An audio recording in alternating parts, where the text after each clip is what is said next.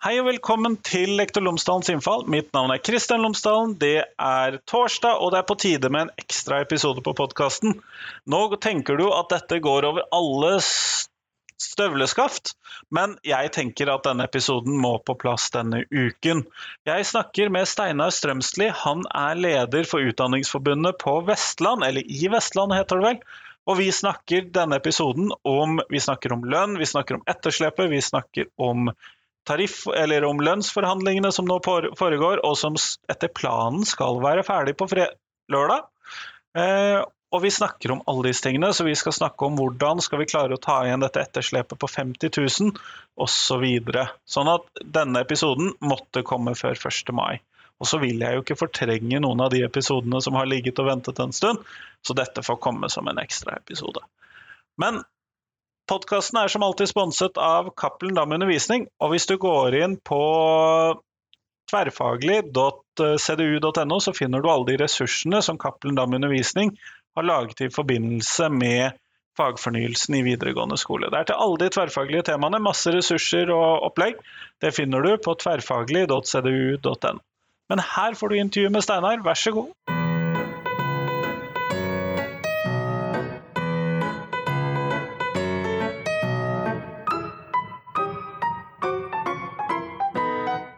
Steinar Strømsli, tusen takk for at du har tatt deg tid til meg i dag. Takk for at jeg fikk komme, Kristian. Før vi starter selve intervjuet, så hadde jeg håpet at du kunne fortelle lytterne mine tre ting om deg selv, sånn at de kan få bli litt bedre kjent med deg. Ja. Jeg er 50 år, gift og har tre barn. Eh, var det tre ting, eller var det, det var kanskje én? Det høres ut som én. ja. Og så eh, tror jeg hvis eh, Jeg tror iallfall folk som kjenner meg, kjenner meg vil nikke gjenkjennende til det her hvis jeg sier at jeg er et surrehue. Utrolig lett for å glemme iallfall små detaljer og når ble det sagt og når ble det gjort. Så surrehue tror jeg er en god betegnelse for meg. Og så eh, ja, jeg ble kalt for Emil da jeg var liten. Eh, og jeg likna på han, eh, men det var andre grunner òg til at jeg ble kalt for Emil. Så da har du litt om, om oppveksten òg, for å si det sånn. Ja, det hørtes bra ut. Og du er jo leder i Utdanningsforbundet Vestland.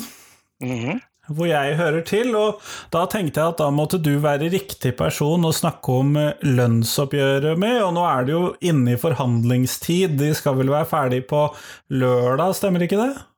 1. mai ja, er fristen for uh, forhandlingene.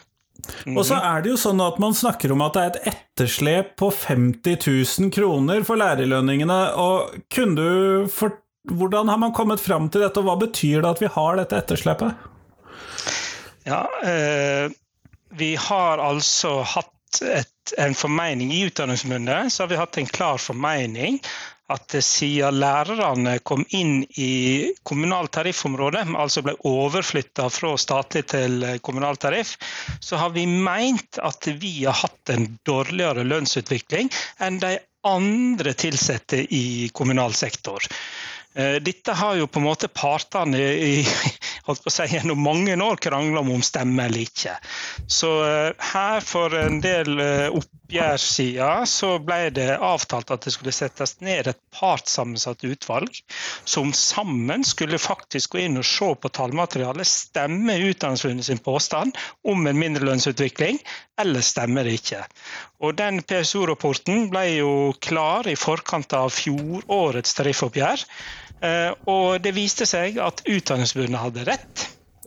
I kommunal sektor så fikk alle som ikke var lærere i skolen, i snitt ca. 1% bedre lønnsoppgjør hvert eneste år fra 2004 til 2019.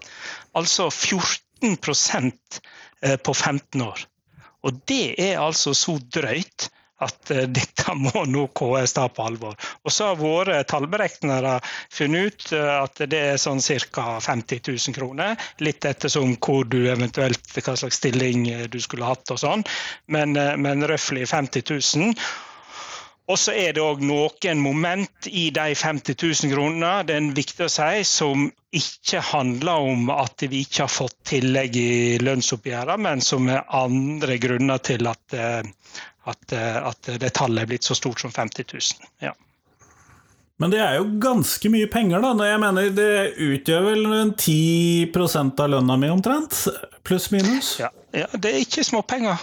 Og det er jo derfor at vi i Utdanningsforbundet, og ikke minst medlemmene våre, er i harnisk, rett og slett. Altså, vi er kjempesinte for det første at KS i så mange år har nekta å innse eller innrømme at vi har hatt en minnerlønnsutvikling.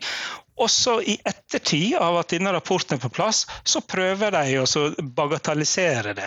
Og ikke ta det på alvor, denne frustrasjonen og sinnet som vi ser hos våre medlemmer nå. Altså. Så ja, det er, det er mye penger. Det har du helt rett i. Eh, jeg henger jo litt på litt, Kanskje litt for mye på diverse lærefora og den typen steder. Eh, bruker nok i overkant mye tid på sosiale medier, ifølge min kone.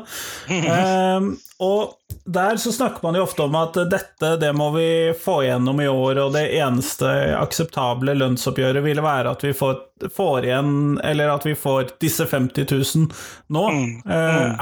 Siv Jensen trakk vel inn enda høyere beløper, tror jeg kanskje. Mm. Mm. Men uh, vil det være mulig? Uh, jeg tror jeg har lyst til å altså, hvis, skal, hvis, jeg skal svare på det spørsmålet, Kristian, så er vi nødt til å gå litt grundig til verks. Okay. Uh, det korte svaret er at om jeg tror det er mulig, så er det korte svaret nei. Det er ikke mulig i eh, lønnsoppgjøret i 2021 at vi skal få ta igjen det etterslepet. Eh, men, eh, men hvis, hvis det, nå er jo dette en podkast, det er meningen at jeg skal prøve å utdype litt. Ikke sant? Fall, ja, det er heldigvis det er det du har muligheten til. Ja, sant. Og, og jeg tror jeg har lyst til, i tillegg til den utfordringa som vi innleda med, Kristian, med 50 000 kroner i etterslep på lærerne, eh, så har jeg lyst til å dra inn et moment til som gjelder for eh, offentlig sektor generelt. Og det er at de høyt utdanna gruppene i offentlig sektor de tjener vesentlig mindre enn arbeidstakere med tilsvarende utdanningslengde i privat sektor. Eh, og så kan det jo òg nevnes i det bildet at fordi det er en betydelig andel av kvinner som har høyt, høy utdanning i offentlig sektor, så er det òg et kvinnediskriminerende eh, problem. ikke sant? Som jeg mener at storsamfunnet og samfunnet generelt ikke tar på alvor. Så da har vi to viktige saker knyttet til lønn. Det ene er høyt utdannet offentlig sektor har låg lønn, og lærerne i offentlig sektor, det er jo stort sett i offentlig sektor, Kristian, selv om ikke du er en representant for det, så har de altså et betydelig etterslep. Og Da har jeg lyst til å dra inn i alle fall eh, fire moment som jeg har lyst til å snakke litt om. Eh, og Det er generelt innen kommuneøkonomien. sant? Eh, hvert år så kommer, får vi eh, statsbudsjettet, og der kommer det et anslag på hva slags lønnsvekst som skal være i norsk arbeidsliv. Eh, og så legger da eh, legger en på i statsbudsjettet tilsvarende øke til kommunene. Eh, sånn at eh, Eh, det vil jo bety at eh, kommunene har ikke mer penger å rutte med dem enn det som er anslaget i, i, eh, budsjettet. Det andre momentet jeg har lyst til å dra inn, det er frontfaget. Det er en stor si, aksept i samfunnet vårt for at frontfaget altså industrien, konkurranseutsatt industri, skal fungere som en regulator for alle andre lønnsoppgjør som kommer eh, etter at industrien har forhandla. Så vet vi at Unio, eh, det eh, paraplyorganisasjonen som Utdanningsforbundet tilhører, har lenge snakka om en utvida frontfagmodell. For det vi ser, det er at funksjonærene i industrien, de som har, høyere, har høgskoleutdanning i industrien, de har hatt en betydelig bedre lønnsvekst, og ikke minst har et betydelig bedre lønnsnivå enn enn eh, oss som er høyt utdannet i offentlig sektor. Eh, så når de funksjonærene har bedre lønnsutvikling enn arbeiderne, så mener vi at det er feil at vi skal sammenlignes med arbeiderne når vi reelt sett er i konkurranse mot funksjonærer. Så vi mener at vi må ha en mer utvidet frontfagsmodell som hensyntar det bildet. Det har vi ikke fått gjennomslag for. Og så har jeg lyst til å dra inn et tredje moment, og det er trepartssamarbeidet. Som de nordiske landene, og kanskje spesielt Norge, er kjent for trepartssamarbeidet. Men som jeg mener iallfall i hovedsak er bare topartssamarbeid. Mang, vi mangler den tredje parten. Eh, vi har ulike eksempler på der trepartssamarbeidet har vært viktig. F.eks. For i forbindelse med IA og sykelønnsordningene i Norge. Og ikke minst i forbindelse med de vanskelige omstillingene når vi har fått endringer i pensjonssystemet. Der ser vi at staten som en tredjepart har vært viktig for å løse de vanskelige flokene. Eh, det jeg opplever som et enormt stort problem i dag, det er at eh, når vi har åpenbare, store rekrutteringsutfordringer i eh, disse her viktige høgskolegruppene i offentlig sektor, sånn som barnehagelærere, lærere i skolen, sykepleiere. Store grupper store grupper, og som er viktige for velferdssamfunnet vårt, så snur altså staten, den tredje parten, ryggen til og sier at nei, dette her det er partene i arbeidslivet sitt ansvar å ordne opp i. Eh, og det mener jeg er kanskje den største ansvarsfraskrivinga i historien, som vi ser pågår rett framfor øynene våre nå. Eh, og jeg mener det er ikke tvil om at det er jo faktisk staten som har det høyeste ansvaret. Kommunene har selvsagt et stort ansvar for at det blir rekruttert skikkelig inn i disse store gruppene, men det er staten som har hovedansvaret. Og det blir jo i alle fall feil å si at det er vi, eh, lærerne og sykepleierne og organisasjonene eh, våre, at det er vi som skal ha det ansvaret.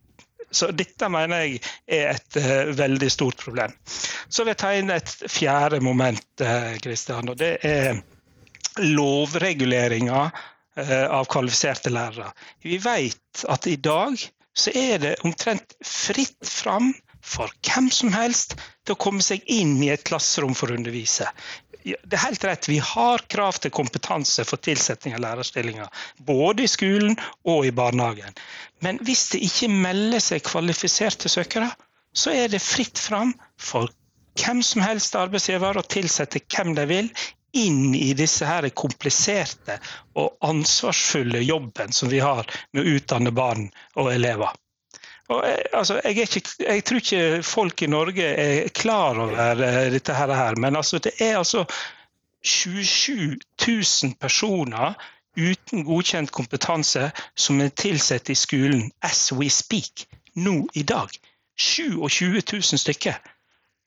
Ja. Jeg har jo vært en av disse. Jeg startet min lærerkarriere med en uferdig bachelorgrad eh, på en litt tilfeldig skole ute i Bygde-Norge. Ja. Og jeg tror det er ganske mange som har starta sin karriere der. Jeg starta sjøl eh, som assistent i skolen, og, og, tok jo selvfølgelig noen vikartimer dann og vann. Men når vi snakker om 27 000 stykker, Kristian, så handler ikke det bare om en enkelttime. Da snakker vi om folk som har, eh, har betydelig eh, ansvar innenfor dette her. Og ja, det er det enkelte kommunene. De må ta et betydelig ansvar for å få rekruttert inn kvalifiserte folk i disse eh, stillingene. Men det er Stortinget som vedtar lovene. Det er de som har bestemt at denne muligheten skal være her.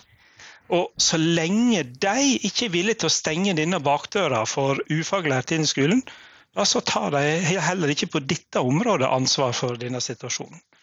Men det, er det andre grupper hvor de har en sånn lovregulering av det? Nå skal jeg være forsiktig med å gå inn og, og eh, jeg tror ikke du kan f.eks. Eh, eh, jeg mener det er en rekke oppgaver i helsetjenestene våre som krever kvalifiserte folk, både sykepleiere og leger. Sant? Så de, kan, de har rett og slett ikke lov til å sette inn andre enn sykepleiere. Det er et stort problem for helsevesenet òg, for det fører til at, at sykepleiere blir overarbeidet. De springer fortere enn hva de er i stand til. og det skaper nok mange utfordringer for å få kabaler til å gå opp.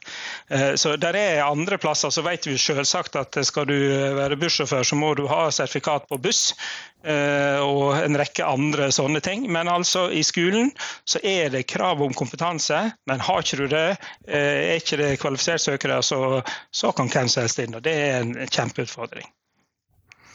Så det, Nå peker jeg liksom på fire plasser som jeg mener er en stor utfordring i norsk skole, og som òg henger sammen med dette her lønnsproblematikken eh, som vi nevnte innledningsvis.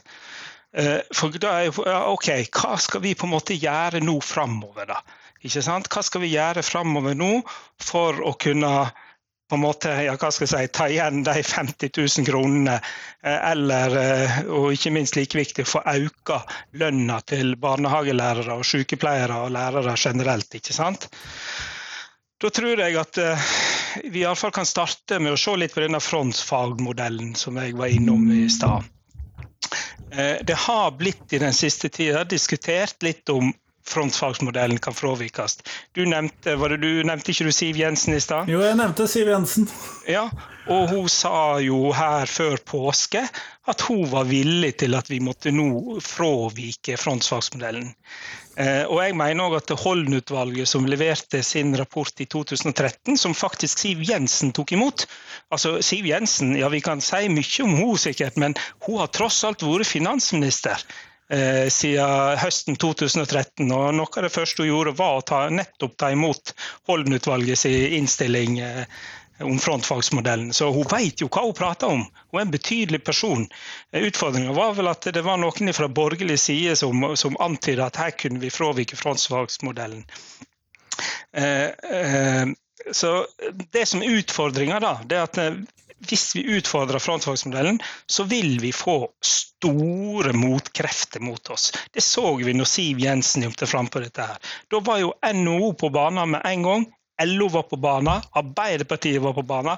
Nei, fysj og fysj. Vi må ikke røre frontfagsmodellen. Vi må sikre konkurransekrafta til norsk industri. Det er viktigere enn alt annet. Og for å si det sånn, jeg er ikke sikker på om det er eh, arbeiderne i industrien som kommunene konkurrerer mot når de skal ha tak i sin arbeidskraft og sine kvalifiserte folk. De konkurrerer mot ungdom som tar høyere utdanning, og som kanskje sikter seg inn på, på næringslivet. Eh, så eh, det, ja, det, er en kjempeutfordring å utfordre frontfagmodellen. En annen ting er at eh, den er iallfall ikke snekra sånn sammen, denne frontfagmodellen, at den kan gi oss et så voldsomt lønnsløft. Skulle vi i alle fall skulle vi gå ut av frontfagsmodellen, så snakker vi om eh, bitte litt i tilfelle. Sant? Så det må veldig mange oppgjør på rad eh, der, eh, der de høytutdannede i offentlig sektor får mer enn frontfaget. Eh, og da, da, da, forsvinner jo poenget med frontfaget. ikke sant? Altså hvis en eh, i ja, for Hvis man gjør det mange nok år på rad, så er den død. Ja, sant? og da har jo den mista sin effekt. Eh, så frontfagsmodellen ut, utfordrer, er utfordrende, eh, men det er ikke sånn at eh, jeg mener at det er mulig å utfordre den, og jeg mener òg at det er det politisk vilje til å få støtte for det, så må en iallfall eh, kunne få lov til å innimellom gå utover frontfaget sine rammer. Så har vi staten, da, som denne tredje parten som jeg snakket om i stad vi har ikke kjangs til å møte de rekrutteringsutfordringene vi har i offentlig sektor, hvis ikke staten tar ansvaret og bidrar til et solid lønnsløft. Det, det, er klart det utfordrer franskfondsmodellen å komme med friske penger inn i arbeidsmarkedet på den måten. Eh, men det har vel heller aldri vært meninga at frontfagsmodellen skal hindre rekruttering i offentlig sektor. Det, det var vel ikke tanken når, når den modellen ble skapt. Så nei, det tviler jeg på. Nei, ja, sant? Det var ikke det som var poenget. Og jeg mener at NHO, NHO og LO de må bare finne seg i at staten tar det ansvaret og gjør grep og får dette på plass. Og så har LO og NHO òg en tendens til å glemme at de òg er avhengige av en god skole og gode helsetjenester. For det er en stor misforståelse at det bare er privat sektor som driver med verdiskaping i samfunnet vårt. Det gjør offentlig sektor òg. Og vi er avhengige, vi er gjensidig avhengige av hverandre.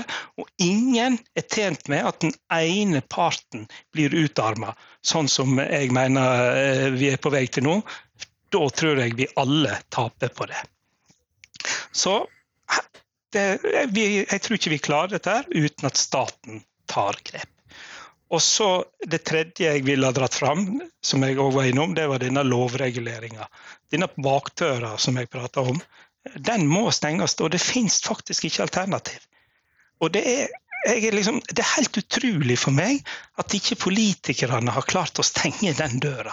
Det er klart at kommunene vil strekke seg lenger om det får betydelige konsekvenser for dem hvis de ikke klarer å rekruttere folk inn til stillingene sine.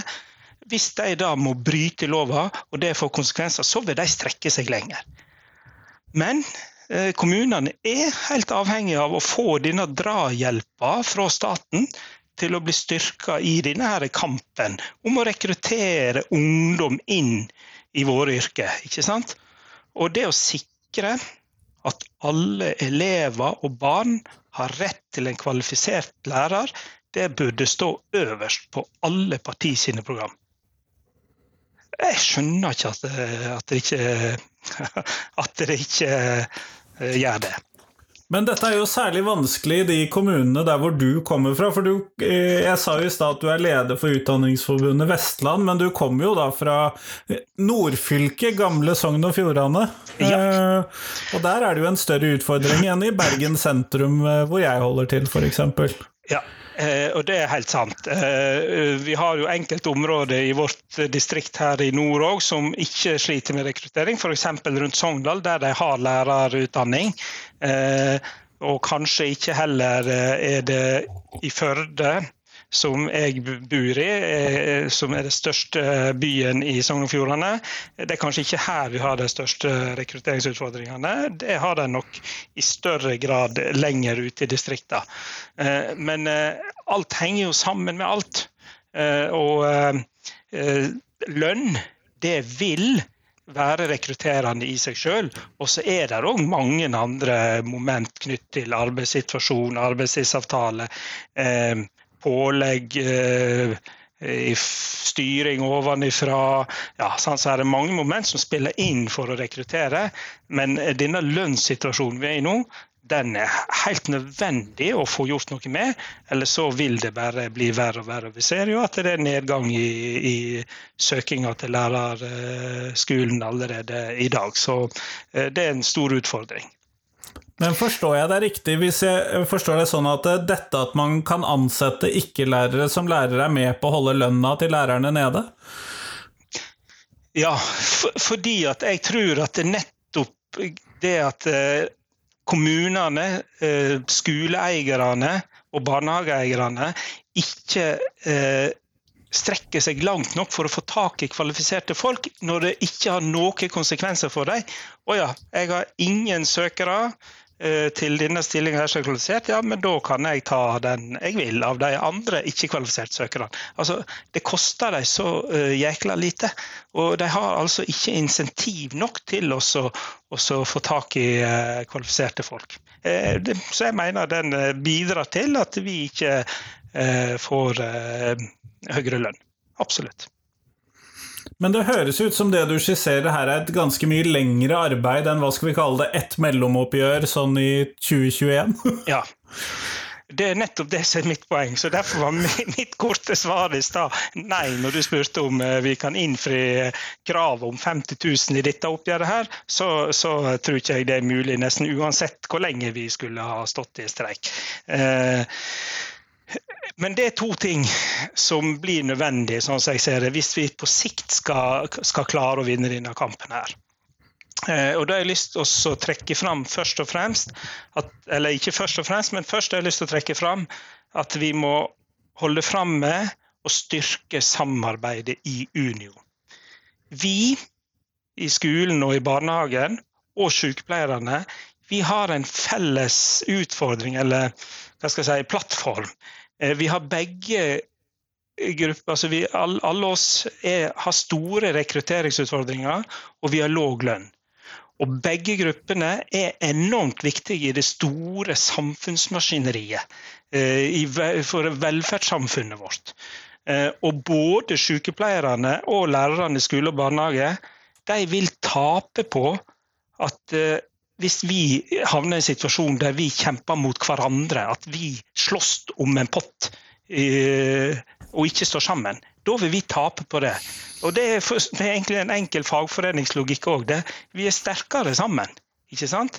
Så Det verste som kan skje, er at det slår sprekker i juniorsamarbeidet. Der mener jeg både sykepleierne og vi har enormt mye mer å vinne på å stå sammen. Så det å styrke juniorfellesskapet, det blir viktig. Så da bare det, hvis du hører godt etter nå, Kristian, så betyr det jo at hvis vi, hvis vi skal ta 50 000 i ett jafs, så må noen få ingenting. Hva gjør det med et samarbeid? Altså, Vi vil jo ikke få det til likevel, men det vil heller ikke styrke samarbeidet hvis vi står hardt på at vi skal ha, uh, vi skal ha alt. ikke sant?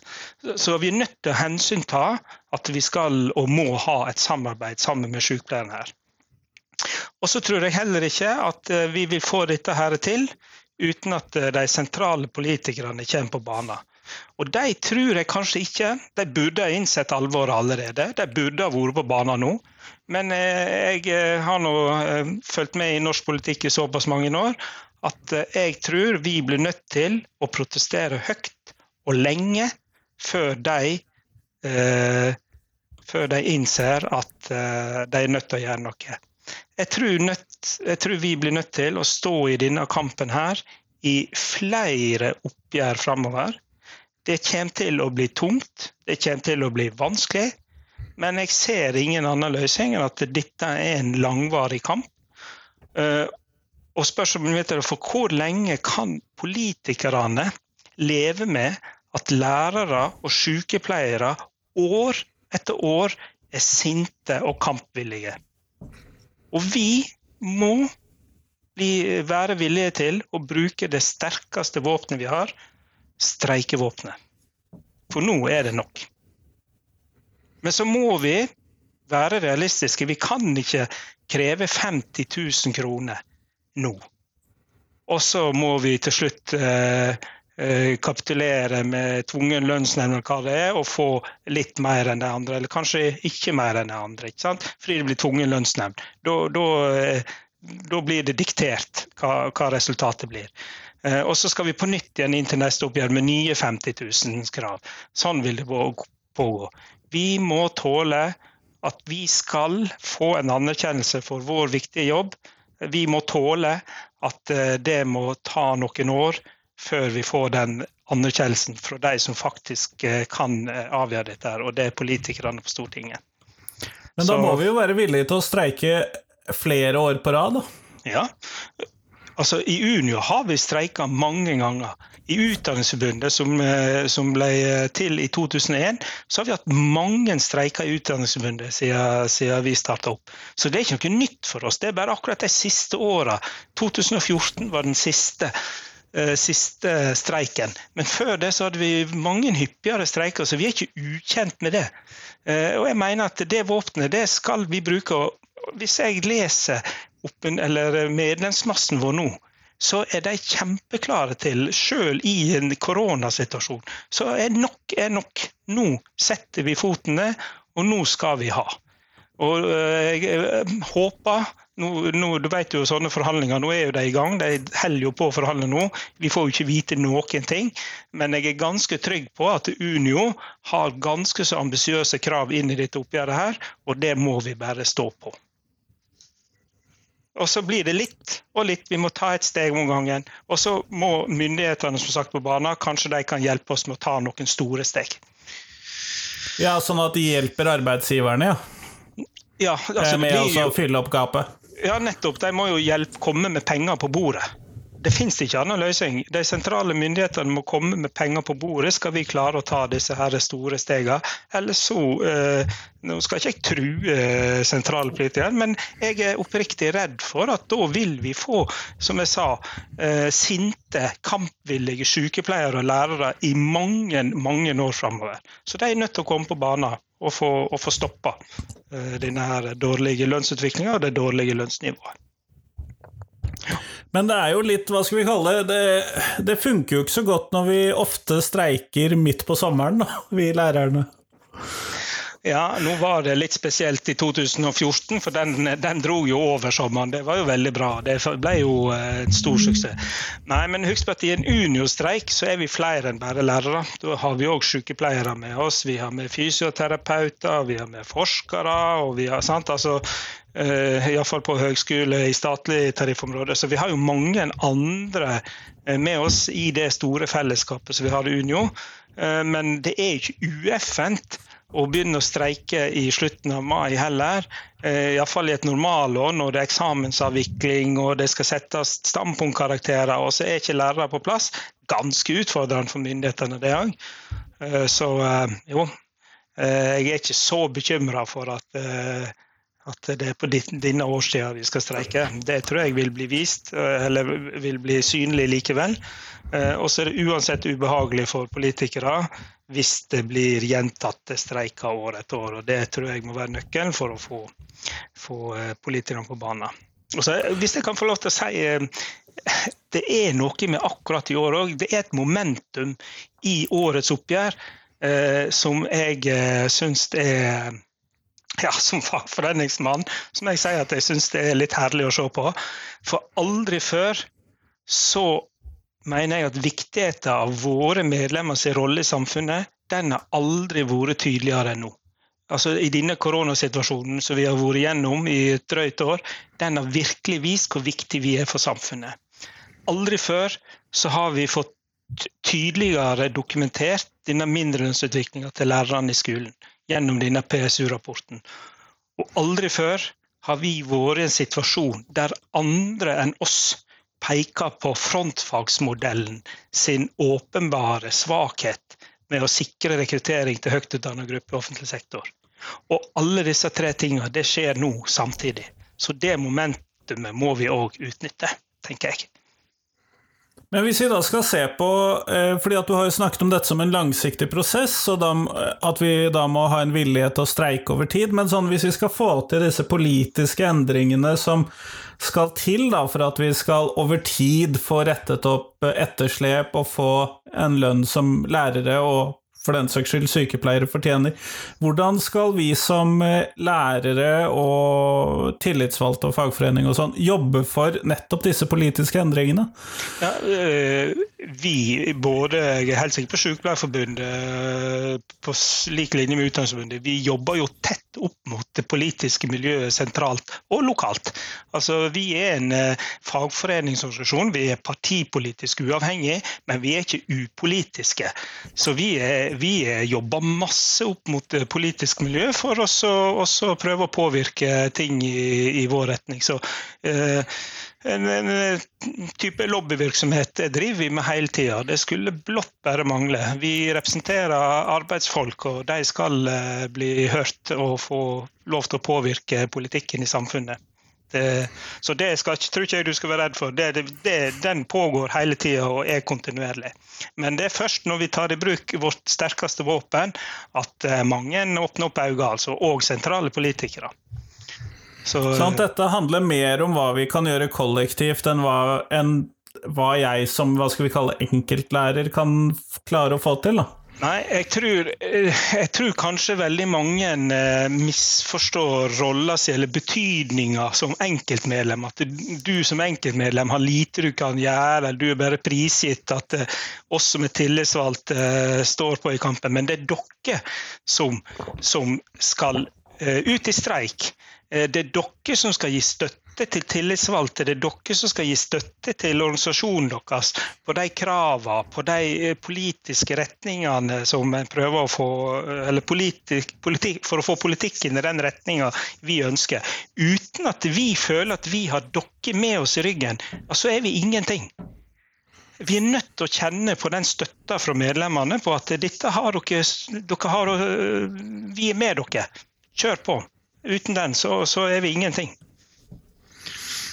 Nei, og ut ifra hva jeg kan se på diverse nettfora og sånn, så virker det eller, og prating i klubb lokalt på jobb og sånn, så virker det jo som at uh, året i år er året man virkelig er klar for streik. Eh, mer enn tidligere år, kanskje?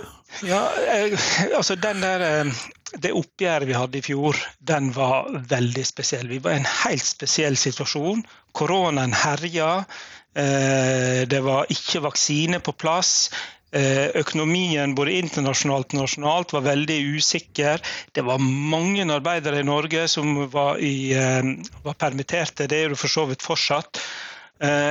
Og jeg støtta den beslutninga som sentralstyret i Utdanningsforbundet til slutt gjorde, med å akseptere eh, lønnsoppgjøret. Selv om vi hadde en uravstemning som var uheldigvis veldig låg deltaking på. Men flertallet av de som stemte, sa nei. Likevel så valgte sentralstyret å akseptere. Jeg tror det var en klok beslutning, men i år så er det en helt annen stemning, både blant medlemmene. Vi har jo, vi har jo masse dialog med lokallagsledere. Det hadde vi i fjor òg. Og vi, vi, vi, ser et helt annet bilde i år enn det vi gjorde i fjor. Eller det, jo, ja, det var i fjor, men det er jo ikke mer enn et halvt år siden. Det var jo rett før jul. Dette her. Ja, det blir jo fort litt rare lønnsoppgjør når de kommer litt sånn klumpa sammen. ja, ja da, sant. Så ja. Eh, det kan godt hende at det var en viss streikevilje i fjor òg, i desember, og ut i gatene med munnbind og kaldt og hustrete. Jeg veit ikke. Det, det, var ikke begrunnelsen for at, at vi eh, vi jeg vil nok heller streike i juni, altså. Ja, sant. så, jeg tror det er flere som er der. Men, men eh, jeg, jeg må iallfall si at min opplevelse som fylkesleder i Utdanningsforbundet Vestland, så var min opplevelse at det var ikke en sånn superstemning eh, eh for streik eh, når, vi hadde, når, vi hadde, dialog med lokallagene. Eh, ja, blir det, så blir det. Vi stiller opp. Det var helt klart. Eh, men det var kanskje ikke akkurat rette tidspunktet i dette koronaåret å, eh, å slå på stortromma nå. Men eh, i vår så føler jeg, har jeg en helt annen følelse på dette der. Så jeg er ganske trygg på at hvis det blir nødvendig, så har vi medlemmene i ryggen og er kanonklare til å gjøre den jobben vi må gjøre hvis vi må. Mm. Steinar, vi går mot slutten av podkasten, og da skal jeg stille deg det spørsmålet som jeg stiller til alle jeg intervjuer. Og hva er de tre viktigste tingene som skolen lærer elevene? Eh, tre ting. Mm. Det er et problem å finne. ja. Nei, altså det er iallfall eh, noe som jeg syns er viktig. Hvordan skal jeg si det? Det å bli en eh, At vi skal få folk til å bli demokratiorienterte og respektfulle borgere. Og så tror jeg vil si i verden, ikke i Norge. I verdenssamfunnet. Eh, eh, jeg syns det er blitt veldig eh, jeg synes Samfunnet vårt har utvikla seg til å bli veldig polarisert. Det er jeg oppriktig bekymra for. Og da vil det handle for meg å ha litt å ha mye, mye mer respekt for andre sine meninger. Eh, andre sine kulturer, eh, andre sin forståelse av verden. Vi må ha mer respekt for det, og så må vi være demokratiorienterte. Eh, så jeg tror jeg ville ha sagt det. Eh, om det ble tre ting eller ikke, det vet ikke jeg. Men jeg kunne jo kanskje så jeg har òg alltid hatt veldig sansen for han eh, politimester Bastian. For det ligger noe der, ja, ligger noe der i hans sine ord om at, at, man skal ikke plage andre, man skal være grei og snill. Og for øvrig kan man gjøre hva man vil. Det, det ligger noe i det samme der, ikke sant? Uh, ha respekt og være grei med hverandre. Hvis vi klarer å utdanne og holdt på å si danne våre barn og elever til å bli sånne type samfunnsborgere, ja, så har vi gjort en fantastisk god jobb. Kjempeflott. Tusen takk for at du tok deg tid til meg i dag. Takk, Kristian. Takk for at jeg fikk komme.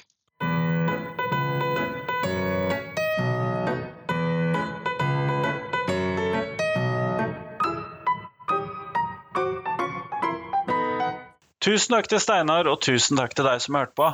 Hva tenker du om strategien som Steinar foreslår, eller hva han tenker som gode elementer på hvordan vi skal ta igjen dette etterslepet? Hvordan vi skal faktisk få den anerkjennelsen som vi som lærere behøver? Gå gjerne inn på Facebook-gruppen Lektor Lomsdalens innfall, som du vel finner på Facebook, eller gå inn på Twitter eller Instagram og søke opp Lektor Lomsdalen, og så fortell meg hva du tenker. Er dette riktig vei å gå? Er det noen andre veier vi kan eller bør gå?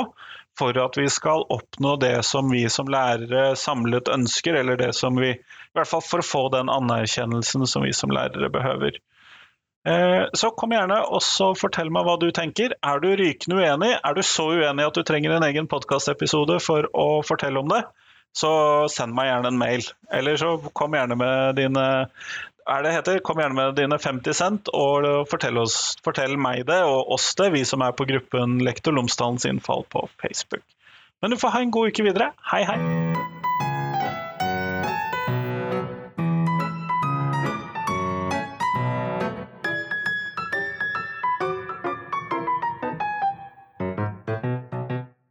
Jeg trenger tips ikke bare om mennesker jeg skal intervjue, men også om temaene jeg skal intervjue folk om. Så send meg gjerne tips til et tema. Da trenger du ikke nødvendigvis ha tenkt ut hvem jeg bør intervjue.